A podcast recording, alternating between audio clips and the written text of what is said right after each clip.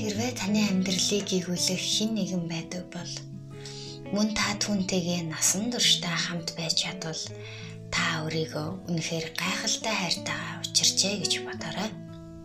Хар амьдралын замаар хоёр тишээс алсан байлаач хэзээ нэгэн цагт дахин таарвал бие биерүүгээ харж инээмсэглэхээ бүү мартаарай.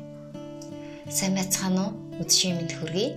7 хоног бүрийн 2 4 7 дахь өдрүүдэд хятад хэл дээр хүрэгдэг хайрын үйлхүүд маань эхлэхэд бэлэн боллоо. Хүлээ авч сонсноо.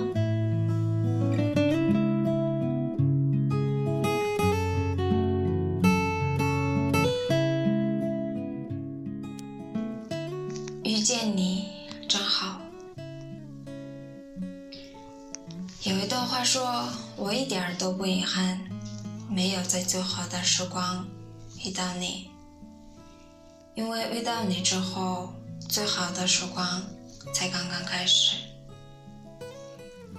在生命的旅程中，我们都是别人的过客，一次次擦肩而过后，我们慢慢习惯了身边人的来来往往。可是总有一个人的出现，会吸引你的视线。点亮你的心房，他也许没有那么好，但是你心目中却是独一无二的。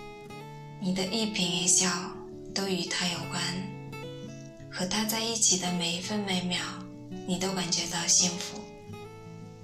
你甚至说不上自己为什么喜欢他，但是就是清楚的知道，他就是。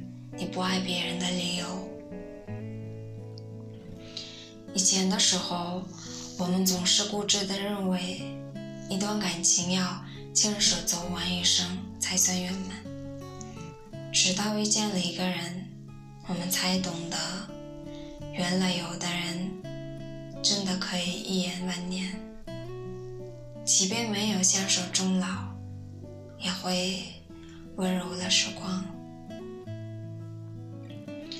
如果你也有幸遇见了一个途经了你的生命、温暖了流年的人，若能相伴一生，果然很好；若是中途分别，亦可以笑着面对。你不需要惋惜相遇不分时，因为遇见了他，本身就是最美好的时光。